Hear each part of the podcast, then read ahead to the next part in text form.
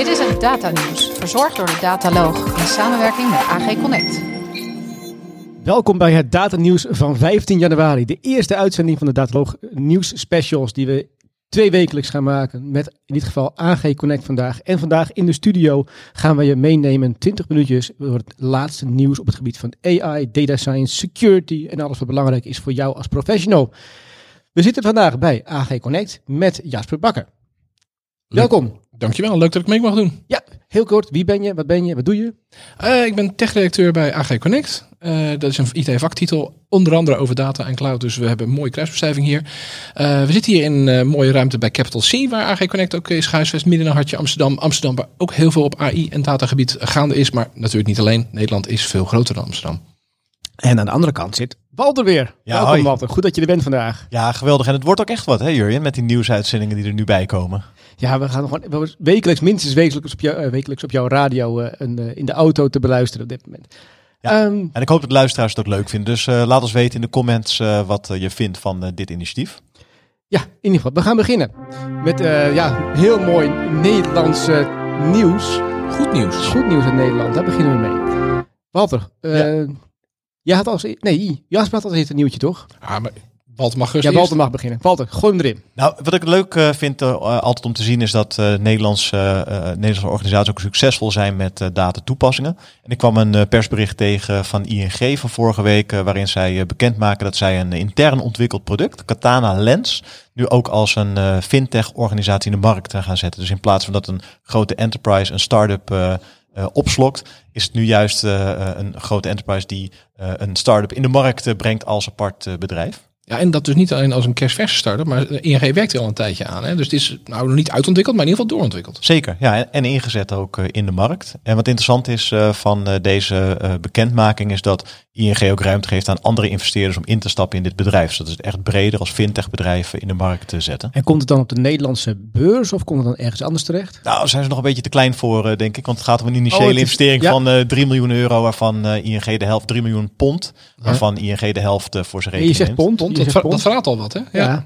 Ja, ja, dit is een eh, bedrijf wat eh, buiten de EU gevestigd gaat worden, jongens. Ah, kijk eens eventjes. Ze gaan in, eh, in Londen gaan ze eh, starten. Eh, Ik- daar zit ook veel van hun klanten al, geloof ik. Katana Lens. Weet je iets wat, wat, het, wat het doet en hoe het werkt? Ja, het is een tool en eh, eh, ik, ik weet niet alle details, maar het is een tool die gebruikt wordt door beleggers om inzicht te krijgen in kansen en, en, en mogelijkheden. Het is niet een auto-trading tool, maar ze geven juist advies aan beleggers om sneller, betere beslissingen te kunnen nemen. Dus op het scherp van de snede, op de, de centen en dat in grote aantallen. Ik, ik, ik zie een Wall Street 3 hier aankomen. Ja, mooi, maar, hè? maar dan in Londen. Ja, een, een real-life soap over dit product en eh, hoe dat eh, hopelijk een succesverhaal eh, wordt. En dat scherpst van de snede, ja, dat zit natuurlijk ook een beetje in die bedrijfsnaam katana, het, het samurai zwaard. Ah, ja. Yep. Katana is het lange zwaard, hè? niet het korte zwaard van de seppuku, hè? want dat is een andere... Nou, met de woorden die je nu gebruikt, blijkt dat je hier al veel meer van weet dan ik. Het ninja nieuws van de week inderdaad. Jasper, jij had ook een, eh, een, een mooi Nederlands eh, Ja, ik, ik haal het inderdaad even terug. eh, dit- dit- wat jij had is Nederlands, maar gaat naar Londen. Of gaat, naar, gaat in ieder geval daar gevestigd worden. Ja. Eh, we hebben het hier over een Europees project, Alice. eh, om, het European Laboratory for Learning and Intelligent Systems. In het kader van het Alice-project worden eh, in Europa talentwerving voor AI gedaan. Voor AI-onderzoek, voor AI-studies. En eh redelijke primeur hebben we dan hier in Nederland. Het was al bekend dat ze naar Amsterdam zou komen en naar Delft. En nu heeft de Universiteit van Amsterdam, de UvA, die heeft dus als eerste een, een Deense PhD-student die dat programma gaat starten om AI-talent in Europa te behouden. Want wat we gezien hebben is dat heel veel AI-talent gaat of de plas over naar de VS, of wordt gekaapt, geronseld, gelokt door China. En op Europees vlak is er het besef van ja, wij moeten dat talent ook koesteren. Wij moeten er ook meer aan doen. En wat voor talent hebben we het dan over? Over fundamenteel onderzoek? Of gaan we dan meer richting het eh, toege- toegepaste onderzoek? Nou, wat ik zo gauw scannend gezien heb, is dat gaat over eerst het fundamentele onderzoek. Maar Ja. het, het is natuurlijk logisch dat de uitvloeisel komt naar meer praktisch onderzoek. Maar het is dus echt universiteit gericht. Is dus niet een kwestie van eh, eh, bedrijven en toepassen en alleen maar de rete commerciële kant op gaan. Excuse mij uh, English. Uh, maar het gaat om kwalitatief en kwantitatief onderzoek om niet onderzoek te doen voor de VS en voor China.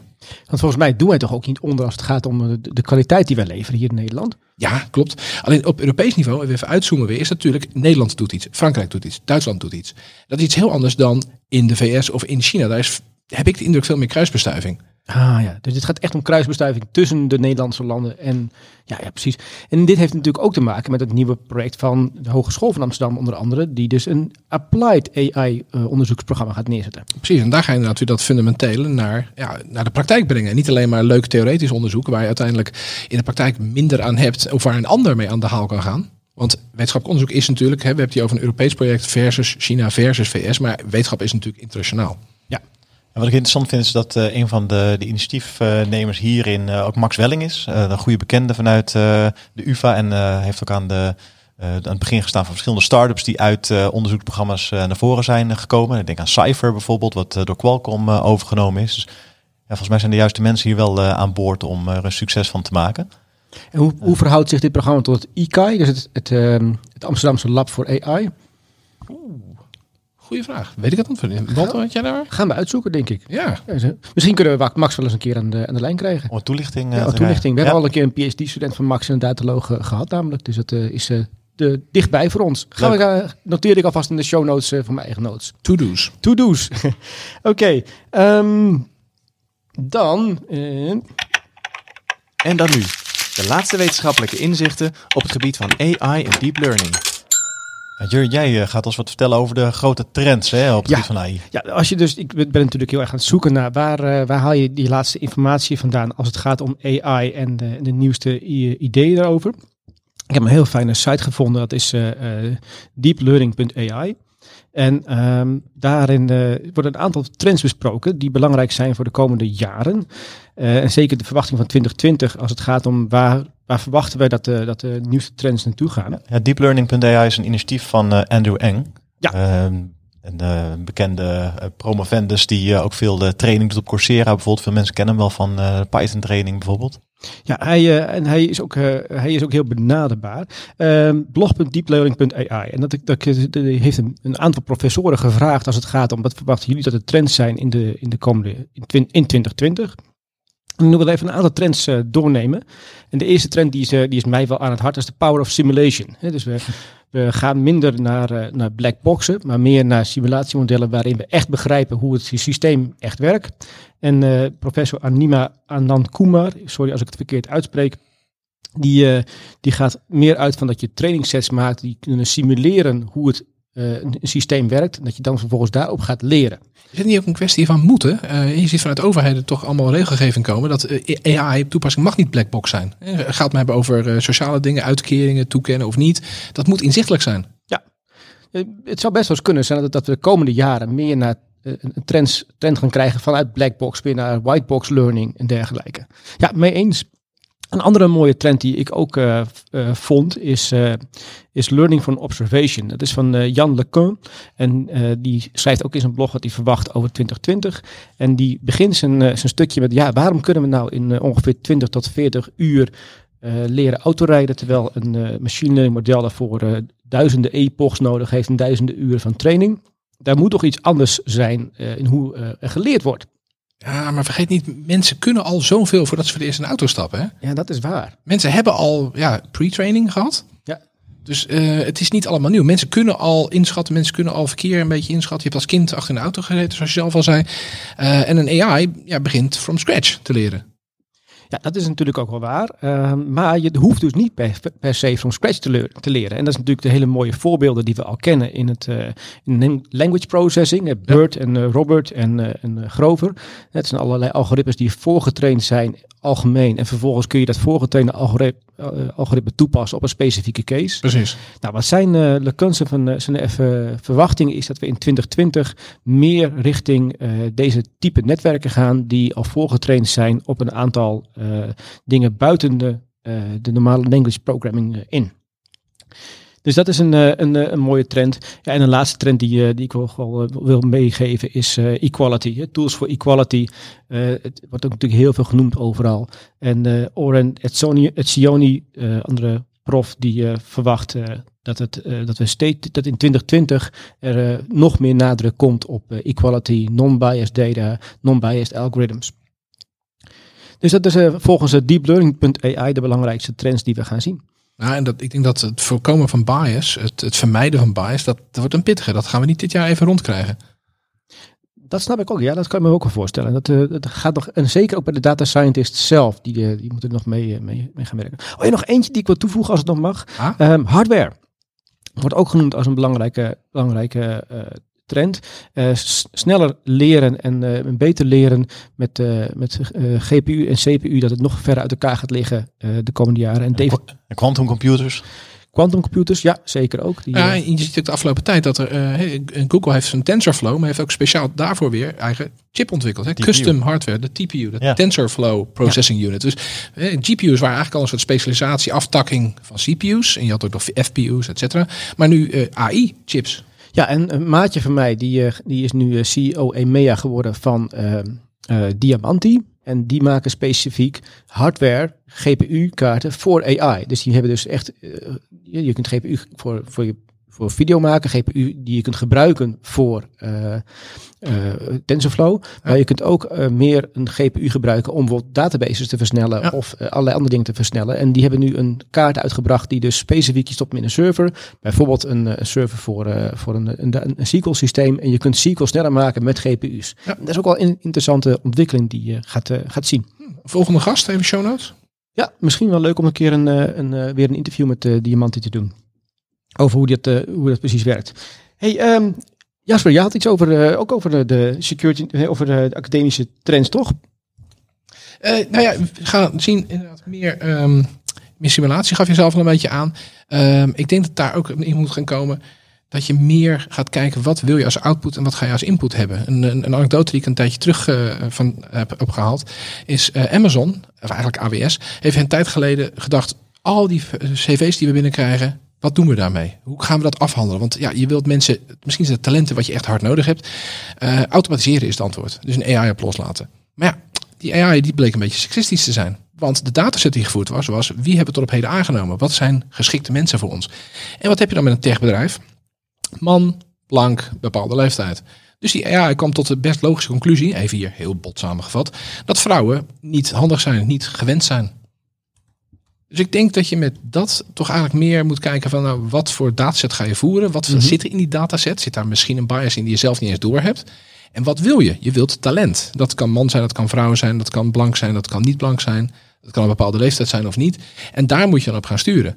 Dus de AI eh, inzetten als wondermiddel en denken het komt wel goed, ja, dat gaat je grote problemen Ja, opleveren. het gaat aan de ene kant om die, om die bias, omdat je gewoon beperkte data hebt. En aan de andere kant ook om, de- om die interpretabiliteit. Ik vroeg me al af waarom ik dat woord ging gebruiken. Dus de ma- mate waarin je kan interpreteren wat er uit het model eh, komt. Ja. En waarbij je dus ook een model eh, eerlijk eh, kan maken. Eh, het zogenaamde en nuttiger. fairness. En, en nuttiger. Ehm, we hebben er ook een, ja, een leuke podcast over opgenomen op een event vorig jaar, de Big Data Expo, waarin er eh, eh, het, het idee kwam om fairness ook als indicatie mee te geven aan een model. Dus hoe fair is een model? En dat kun je meetbaar maken dan. Dat was het idee, hè? Dat is het idee om dat meetbaar te maken en mee te nemen bij de ontwikkeling van een, een model. Van je wil eh, weten hoe accuraat het model is, eh, hoe goed de voorspelling is, maar ook hoe fair het, eh, het is. En daar kan je aan al die eh, eh, eh, eh, indicatoren kan je gaan, ja, kan je mee gaan spelen om uiteindelijk te bepalen welk model ga ik inzetten. Misschien moeten we daar ook weer eens een ding over opnemen. Data security nieuws, ja. Ja, eh, data is lange tijd al gezien als eh, het nieuwe goud. Of de nieuwe olie eigenlijk. Want data kun je combineren en dan kun je weer iets anders van maken. Met goud kun je niet zo goed combineren. Met olie juist wel. En ja, wat is nou eh, data het allerbelangrijkste? Nou, neem een kennisinstituut. Neem de Maastricht University. Die toch vlak voor de kerst ja, weer even met de neus op de feiten gedrukt zijn. Hoe belangrijk hun data is. Namelijk een ransomware infectie. Waardoor systemen down waren, data ontoegankelijk. studenten konden geen stukken indienen. Deadlines werden dan uiteindelijk toch opgeschoven, gelukkig. En dan, nou, dan ben je dus eh, in het nieuwe jaar. eh, en dan ben je nog beter druk bezig om je systemen te herstellen. En de vraag is natuurlijk, is die data wel of niet naar buiten gekomen? Ze hebben zelf geen teken vooralsnog dat de data naar buiten is gekomen. Maar iemand heeft er aangezeten middels die ransomware. Ja, hoe, eh, hoe moet je je voorstellen dat je dan ehm, die, die ransomware, hoe, hoe werkt het dan?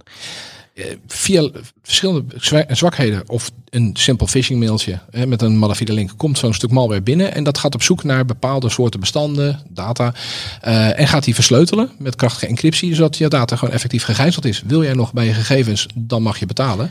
Of hopen dat je backup nog valide is. Ja, wat ik begreep van eh, dit specifieke type ransomware is dat het niet door een klik kwam, maar echt door een gerichte aanval ook op een computernetwerk. Ja, want ook Universiteit van Antwerpen had er al eerder last van gehad. Waar eh, de mensen van Maastricht University overigens helemaal geen weet van hadden. Dus voor hun was het een verrassing dat de dag voor kerst eh, hun systeem eh, plat ging.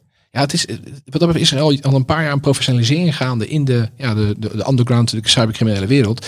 Er worden gekeken naar wie heeft data die het meest waardevol is. Dus wie is een handig slachtoffer? Wel- Welke bank heeft een kluis die je kan gaan beroven?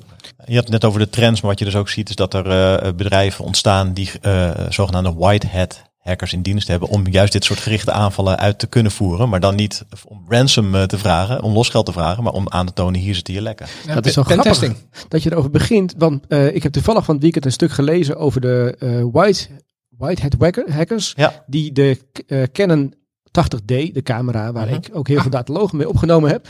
En die gijzelen. ge- Ja. gegijzeld hebben. Ja. En dan krijg je dus, eh, don't be afraid, we are white hat hacker- hackers. Where you- your, your, your ha- hardware is not eh, infect, is, is infected, but we don't gonna steal your data, Ja. et cetera. En dan vervolgens dan leggen ze uit dat je echt moet updaten.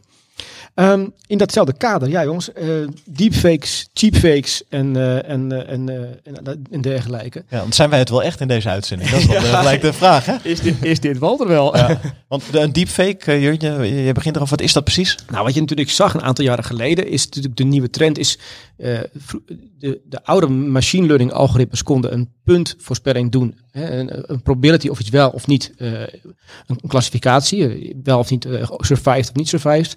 Maar je hebt ook een andere type van modellen die genereren, die kunnen hè, genererende modellen. Ja. En als je die genererende modellen gebruikt in complexe situaties, dat je een genererend model hebt en een discriminerend model, is iets fake of niet fake, dan krijg je dus GANs, Generative Adversarial Neural Networks, en die heeft een enorme brei aan ja, nieuwe mogelijkheden geopend. En een van die nieuwe mogelijkheden is dat je ja, video's maakt, eh een video dus gaat editen, dus een nieuwe stem onder iemand gaat zetten of een nieuwe gezicht op iemand gaat plakken, en dat je het bijna niet meer van echte kunt onderscheiden. Ja, en dat, dat gezicht wordt dus geplakt op iemand die iets vertelt en compleet met mimiek. De ander gaat volledig mee. Ja. Dat is eh, net zoals Gollum ooit voor de Lord of the Rings is eh, getruckeerd. Maar dan veel makkelijker toegankelijker voor, nou ja, ook malafide doeleinden. Ja. Ik, ik zag Ivanka Trump ook op de CES eh, presenteren vorige week. Maar zal het dan echt zijn geweest?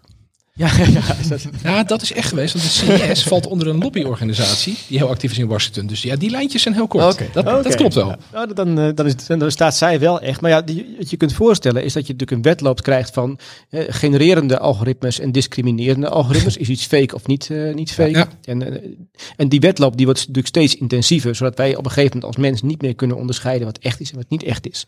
Ja, en dan krijg Maar je... dat, dat kan nu toch ook al niet. Als je zo'n filmpje ziet, eh, dan, dan zie je Poetin of Trump onze wens. Ik zag ze met kerst al voorbij komen. Imagine, oude, ja. Imagine. Eh, Ja, ja, ja. prachtig hè. Maar ja, dat, Ja, maar ik denk dat het belangrijke is, dat stond ook laatst in de Volkskrant, het, eh, het, het, het, het struikelpunt of het grote probleem zal niet zozeer de deepfakes zijn, maar zoals uh, techjournalist Telans Verhagen het noemt, de cheapfakes. Als het goed genoeg is, cheapfake. cheapfake.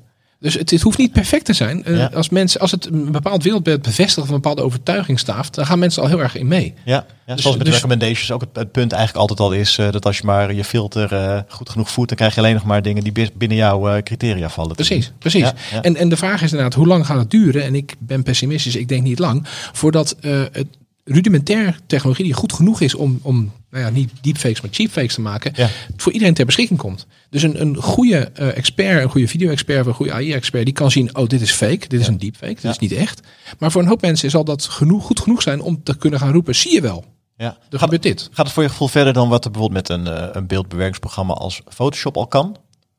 Ehm, nou ja, ja, maar dan op een dieper menselijk niveau. Het is bewegend beeld. Heel Ja. veel mensen geloven ook nog steeds dat wat je op tv ziet, dat dat echt is, want je ziet het zelf. Ja, Dus ja. video heeft een, een, een- een, een waarheidsgehalte wat ons heel diep aanspreekt. Ik zie het toch met mijn eigen ogen. Even voorbijgaan aan het feit van dit is geëdit, er is een, een camerahoek gekozen, het is van onderen gefilmd zodat jij groter lijkt, het is van boven gefilmd zodat jij kleiner en nederiger lijkt. Dus eh, beeld is al manipuleer, manipuleerbaar.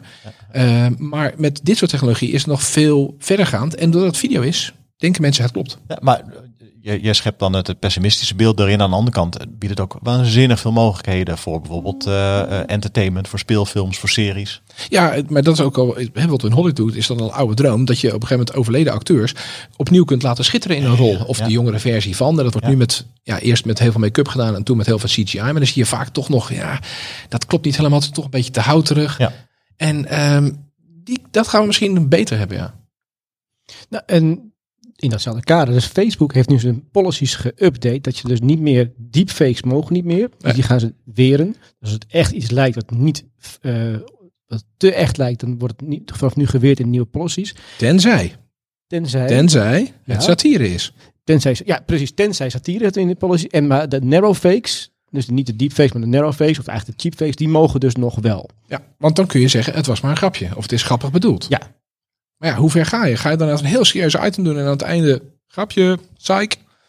Dan, Ja. dan zou je ermee weg kunnen komen. We, we gaan het meemaken de komende jaren. Ik, vind- ik verwacht er heel veel ontwikkelingen erop. In ieder geval, een andere trend die we dus in, eh, aanpalend daaraan gezien hebben, is dat eh, een, een leak eh, van Cambridge Analytica. En die, die, die zijn nog, dat is nogal. eh, eh, eh, Daar zijn ze weer. Daar zijn ze weer. Ja, ja en als ze er zijn, is Had iets met Facebook te maken, Meestal niet ik. Dit is dit artikel voor diegene die meekijkt op de show, eh showfeed. Het formeel bestaat Cambridge Analytica niet, maar er is nog zoveel data daaruit te halen, zoals deze klokkenluider nu eh, aantoont. Ja, die zegt die manipulation is out of control. En eh, in 2020 gaan we heel veel nog, te maken krijgen met het manipuleren van de, van de in ieder geval politieke statements, verkiezingen en dergelijke. En eh, we gaan er nog heel veel van meekrijgen. En er is een, een soort van brandbrief gekomen die naar, The Guardian gegaan is. Ehm, en die, die ja, het, het, het- is in ieder geval dat, dat je verwacht dat er veel, eh, veel dit jaar, komend jaar veel dingen gaan gebeuren omtrent diep eh, fakes en eh, politieke statements. Ja, want, Hoe, hoe moet hij het hier iets mee? Het zijn technologische ontwikkeling, dit gaat niet meer weg. Dus we moeten met elkaar een manier vinden om daarmee om te gaan en er een voordeel uit te halen. Ja, nou, Ja. De, de community pakt het natuurlijk een beetje op, zoals, eh, Ja. zoals eh, Facebook. Ja, want voor, voor de luisteraar die op de hoogte is, misschien eh, overbodige kennis, maar voor andere luisteraars, check dat artikel inderdaad even. Want Cambridge Analytica is bij heel veel mensen bekend als dat bedrijf wat data bij Facebook heeft vergaard. Maar dat is niet alles. Eh, Cambridge Analytica heeft in diverse landen al informatiecampagnes gevoerd om bepaalde machtshebbers te helpen bij verkiezingen. En in hoeverre is het PR en marketing, en in hoeverre is het beïnvloeding, en in hoeverre is het verkeerde beïnvloeding. En daar, dat, dat is het grote probleem. In hetzelfde kader, je kunt het ook goed inzetten. Hè. Je kunt die deepfakes of generaliserende eh, algoritmes ook inzetten voor goede dingen. En daarmee bijvoorbeeld nieuwe design eh, tassen maken of design eh, ontwerpen maken. Het punt alleen daarbij is dat je dus niet patent kunt aanvragen op een design wat een eh, algoritme gemaakt heeft. Mooi. Ja, ik denk dat we dit onderwerp ook een keer in een eh, eh, specifieke special moeten gaan uitdiepen. Want er eh, gebeurt hier zoveel om. Het is een snel uitdijend eh, terrein. Super interessant. Ja. Dus eh, het eh, Europese Patentenoffice heeft eh, dus besloten dat een, eh, een patent op een, eh, op een, eh, een artikel eh, of een aanvraag, twee aanvragen af te wijzen, omdat het niet uitgevonden is door de mens, maar door het- een algoritme. Ja. Zo, ehm, dan ehm, nog heel even kort ehm, over, eh, over Python. Python Ja. 2, Python 3 en dan gaan we eruit. Ja, programmeertalen. Ja, Ja, een collega van mij had- zwaar eh, de programmeertalen in. Vertel. Ja, een collega van me die had laatst een interview eh, met eh, de maker van Python. En eh, Guido van Rossum, die dus zei eigenlijk, hè, die had spijt van zijn grootste fout in 30 jaar Python. 30 jaar werkte de man al aan de ontwikkeling. Hij is laatst officieel met pensioen gegaan. Maar hij stort zich nu op AI, dus daar gaan we ook nog wat van horen. Maar ja, die grote vergissing is dus, ja, de kloof tussen Python 2 en Python 3 eh, is niet zomaar compatibel. De een draait niet zomaar in het ander. Dus code geschreven in Python 2 zou je moeten aanpassen, overhevelen naar Python 3. Want voor Python 2 is de support stopgezet. Dat was eigenlijk deze maand. Het is iets opgeschoven. In april komt er nog een, eh, ja, een laatste onderhoudsrelease. Een, ja, een uitzwaai-release.